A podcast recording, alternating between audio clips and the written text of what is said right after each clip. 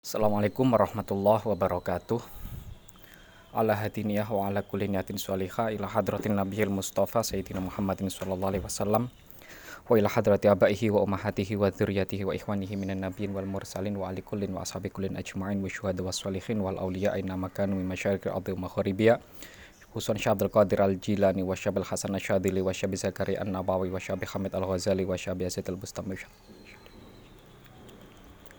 A'adallah lina min barakatihim wa karamati masyafaatihim wa ila hadrati abaina wa ummahatina wa asdatina wa jadatina wa khalina wa khalatina wa amamina wa amatina wa masyaikhina alladhi ta'alamna wa alamnaha khusun ila hadrati. Syekh Zainuddin Al-Malibari wa ila hadrati Jabil Masyir Nabi Allah Khidr alaihi salam Syekhuna Khalil Bangkalan Syahshim Masyarif. Syekh Marzuki Talan Syekh Muras Ali Syamat Marzuki wa hadrati Jamil Muslimina wal Muslimat wal Mu'minina wal Mu'minat al Ahyai minhum wal amat min umat Sayyidina Muhammadin Al-Fatihah A'udzu billahi minasyaitonir rajim. Bismillahirrahmanirrahim. Alhamdulillahirabbil alamin arrahmanir rahim. Iyyaka na'budu wa iyyaka nasta'in ihdinas siratal mustaqim siratal ladzina an'amta 'alaihim ghairil maghdubi 'alaihim waladdallin. Baik teman-teman, kita pada kesempatan kali ini akan melanjutkan belajar bersama kita tentang kitab Fathul Mu'in. Sebelumnya Qolal musannifu rahimahullah ta'ala wa nafa'ana bihi wa bi ulumihi fid amin. Kemarin kita sudah membahas mukaddimah dari kitab Fathul Mu'in. Sekarang kita menginjak pembahasan tentang babus sholat, bab tentang sholat ya. Sesuatu yang berhubungan dengan sholat. Apa-apa sesuatu yang berhubungan dengan sholat, syarat, rukun, kewajiban, dan sebagainya. Langsung saja Bismillahirrahmanirrahim Babus Solati Bab menjelaskan tentang sholat. Hia adapun sholat. Hia adapun sholat syar'an secara syariat atau secara istilah ya. Syar'an secara syariat atau secara istilah itu akwalun beberapa ucapan. Itu akwalun beberapa ucapan wa af'alun dan beberapa tindakan gerakan maksusotun yang tertentu. Maksusotun yang tertentu muhtatamatun yang diawali. Muftatahatun muftatahatun yang diawali. Muftatahatun yang diawali bitakbiri dengan takbir. Muhtatamatun yang diakhiri. Muhtatamatun yang diakhiri bitaslimi dengan salam bitaslimi dengan salam. Sholat secara istilah, istilah adalah ucapan, ya, perbuatan tertentu, perbuatan khusus, perbuatan yang spesifik yang diawali dengan takbir dan diawali dan diakhiri dengan sa salam. Ada beberapa ada beberapa dalam masalah ini ada beberapa kritikan seolah-olah definisi ini tidak menyeluruh, tidak mencakup semuanya. Ambillah contoh akwalun. Ya, akwalun, ucapan. Bagaimana dengan sholatnya orang yang bisu? Ya, orang yang bisu yang tidak muncul ucapan-ucapan itu. Nah, atau afalun, gerakan-gerakan bagaimana sholatnya orang yang lumpuh, ya kan, yang hanya menggunakan isyar, isyarat Nah, itu. Ada beberapa ada beberapa kritikan namun di apa namun ada beberapa penjelasan juga. Akwalun di sini ucapan-ucapan di sini itu baik akwalun baik ucapan-ucapan yang secara nyata ya ucapan-ucapannya sebagaimana kita lihat kita dengar setiap hari ataupun ucapan-ucapan yang secara hukum hukmiyah secara hukmiah, secara hukum hukmiah saja. Tapi secara hukmiah saja sebagaimana ucapannya orang yang bisu dengan isyarat. Nah, itu termasuk aku apa termasuk akwal di sini. Nah, wasumiat dan di wasumiat dan dinamakan apa sholat. Wasumiat dan dinamakan apa sholat bidzalika dengan nama sholat. Kenapa sih gerakan-gerakan itu kok dinamakan sholat? Ada apa? Ya kan? Itu pertanyaannya. Nah listimaliha karena memuatnya sholat. Listimaliha karena memuatnya sholat, sholat yang berupa perbuatan, ucapan yang tertentu tadi yang diawali dengan takbir dan diakhiri dengan salam. Ala sholati pada maknanya sholat, ala sholati pada maknanya sholat lugotan secara bahasa. Lugotan secara bahasa wahia adapun as-sholat lugotan Wahia adapun as-salat lughatan itu ad-du'a'u bermakna doa. Itu ad-du'a'u bermakna doa. Kenapa kok gerakan-gerakan itu, ucapan-ucapan yang tertentu itu ya dalam satu paketnya dinamakan dengan sholat? Karena ucapan dan perbuatan tersebut mengandung makna sholat secara bahasa yaitu do doa. Jadi dari kalimat ini bisa di bisa diambil pemahaman bisa diambil kesimpulan sholat secara bahasa bermakna doa sholat secara istilah bermakna ucapan perbuatan yang tertentu yang diawali dengan takbir dan diakhiri dengan sa salam ya. Mulai dari awal sampai akhir itu isinya doa semuanya ya.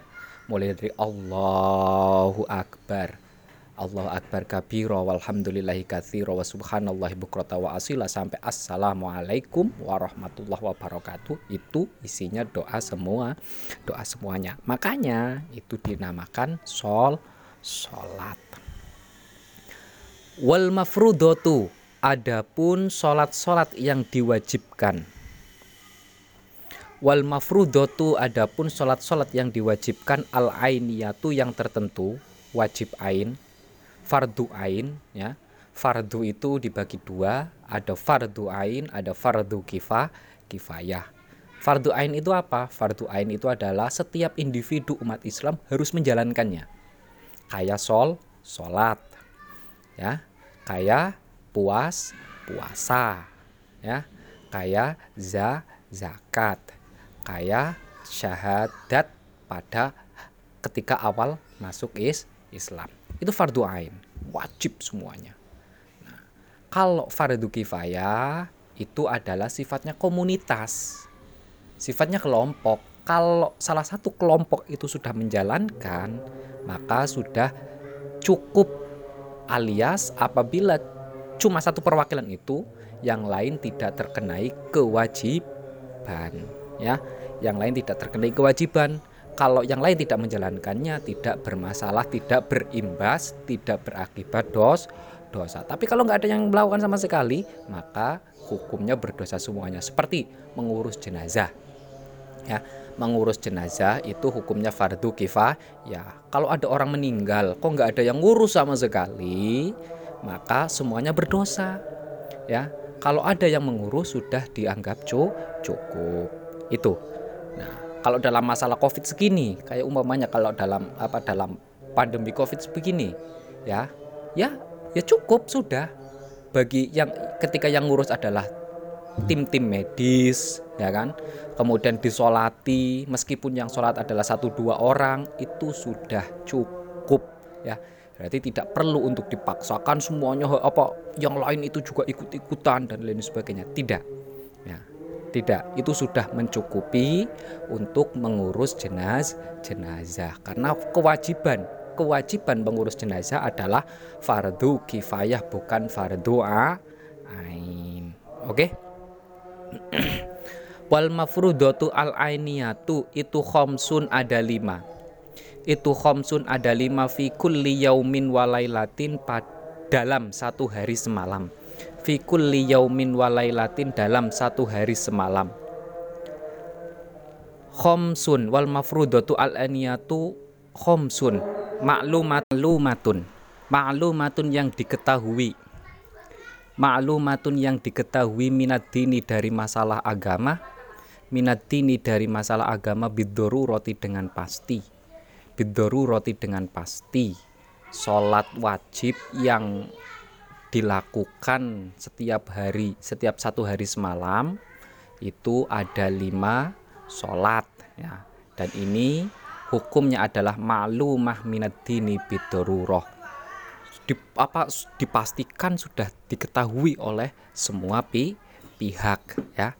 Semua tahu baik yang fokus belajar tentang masalah agama ataupun tidak fokus tentang belajar tentang masalah agama nah itu sudah tahu bahwa sholat lima waktu hukumnya wah, wajib. Konsekuensinya bagaimana? Fayak furu sehingga bisa menyebabkan kafir. Si fayak furu sehingga bisa menyebabkan kafir siapa? Jahiduha orang yang menantang sholat kewajiban sholat. Siapa? Jahiduha orang yang menantang kewajiban sol sholat. Nah orang yang menantang kewajiban sholat dalam artian mengatakan bahwa sholat itu tidak wajib itu dihukumi kaf kafir ya. Nah ini. Tapi tidak semuanya ya. Kita tidak bisa me mengidenti apa kita tidak bisa mengidentifikasikan orang itu tidak melakukan sholat atas dasarnya apa. Sehingga kita tidak bisa mengklaim tidak bisa menuduh orang yang tidak melakukan sholat itu langsung kafir ya karena apa? Karena motifnya itu beragam. Ada yang males ada yang memang menantang ada yang lain sebagainya ya. Sehingga sehingga kita tidak bisa menuduh orang yang tidak melakukan sholat itu langsung kafir. Nggak bisa ya. Apalagi jahit ya penantangan itu sifatnya di dalam ha di dalam hati ya kan? Kita tidak bisa menghukumi sesuatu yang di dalam ha hati ya. Kita tidak bisa menuduh orang lain. Nah orang lain kafir gara-gara gara-gara tidak melakukan sol sholat. Karena motifnya kita tidak tahu kita tidak tahu ya. Karena kalau meninggalkan sholat alasannya adalah karena males. Itu tidak sampai dihukumi kafir tapi hmm. hanya maksi maksiat. Konsekuensinya dia wajib mengko mengkodok sholat yang ditinggal ditinggalkan ya. Jadi nahnu nahkumu bil zawahir wallah yatawali al asrori kita menghukumi yang zohir zohirnya sementara yang urusan urusan urusan yang bersifat hati itu adalah urusannya Allah. Kita tidak bisa menuduh sembarangan orang ya. Bahkan kita tajasus memata-matai orang itu juga tidak berbolehkan ya mau mencari orang yang tidak mau sholat men mencari orang yang tidak apa yang meninggalkan sholat itu juga nggak nggak diper nggak diperkenankan ya. Mencari kesalahan orang itu juga tidak diperkenan diperkenankan. Karena itu adalah tajasus walat tajasasu larangan dari apa walat tajasasu larangan dalam Al-Qur'an itu adalah tidak boleh tajasus memata-matai orang lah orang lain. Mungkin ini bisa disimak dari kisahnya Sayyidina Umar yang apa yang diceritakan di antaranya diceritakan oleh Al Ghazali dalam kitabnya beliau karyanya beliau Ihya Ulumuddin Sayyidina Umar yang tajasus yang memata-matai akhirnya akhirnya Sayyidina Umar sadar bahwa beliau itu adalah salah akhirnya beliau meninggalkan tidak melakukan tajasus kembali kembali Nah, itu ya. Jadi nggak mudah. Hmm, sangat hati-hati karena tentang apa hukum hukum sholat itu ada apa? Konsekuensi. Itu. Kita lanjutkan. Walam tajtami dan tidak berkumpul. Walam tajtami dan tidak berkumpul apa hadhil khomsu? Apa hadhil khomsu sholat lima waktu ini? Apa hadhil khomsu sholat lima waktu ini? Li ghairi nabiyina pada selain nabi kita li ghairi nabiyina pada selain nabi kita Muhammadin yaitu Nabi Muhammad sallallahu alaihi wasallam. Salat lima waktu ini sebelum Nabi Muhammad diutus itu tidak berkumpul menjadi satu. Ya. Maksudnya bagaimana? Dipilah-pilah. Kalau na umat ya apa? Kalau nabi kalau nabi Adam itu sholatnya adalah sholat zuhur ya kan? Sholat subuh kalau nabi Dawud itu adalah sholat as duhur Nabi Sulaiman adalah sholat asar ya. Nabi Sulaiman sholat asar sholat maghrib Nabi Yakub ya. Dan sholat isya adalah Nabi Yunus. Nah ketika Nabi Muhammad semuanya itu digabungkan menjadi sa satu ya kan yang prosesnya proses lima sholat lima waktu ini itu adalah ketika Isra Mi'raj kanjeng Nabi itu diperintahkan 50 rakaat sol sholat. Akhirnya di dispensasi dispensasi minta dispensasi minta dispensasi sampai 17 rakaat yang terkumpul dalam lima sholat i sholat lima ini. Oke? Okay? wafuridot wafuridot dan diwajibkan apa sholat lima waktu? Wafuridot dan diwajibkan apa sholat lima waktu? Lailatul Isra'i Lailatul Isra'i pada malam Isra pada malam Isra ya. Pada malam Isra Mi'raj dan nubuwati setelah Nabi diangkat menjadi setelah Muhammad diangkat menjadi nabi. Dan nubuwati setelah Muhammad diangkat menjadi nabi bi asyri sinina dalam waktu apa dalam bi asyri sinina pada 10 tahun. Wasala bi asyri sinina pada 10 tahun wasala sati ashurin dan tiga bulan. Wasala sati ashurin dan tiga bulan lailata sab'in wa isyrina pada malam 27 pada malam 27 min rojabin dari bulan Rajab. Min rojabin dari bulan Rajab. Kewajiban sholat lima waktu itu dibebankan kanjeng dibebankan Allah kepada kanjeng Nabi ketika Nabi melakukan isromi isromi roj nah isromi roj itu kapan? Ketika Nabi di apa?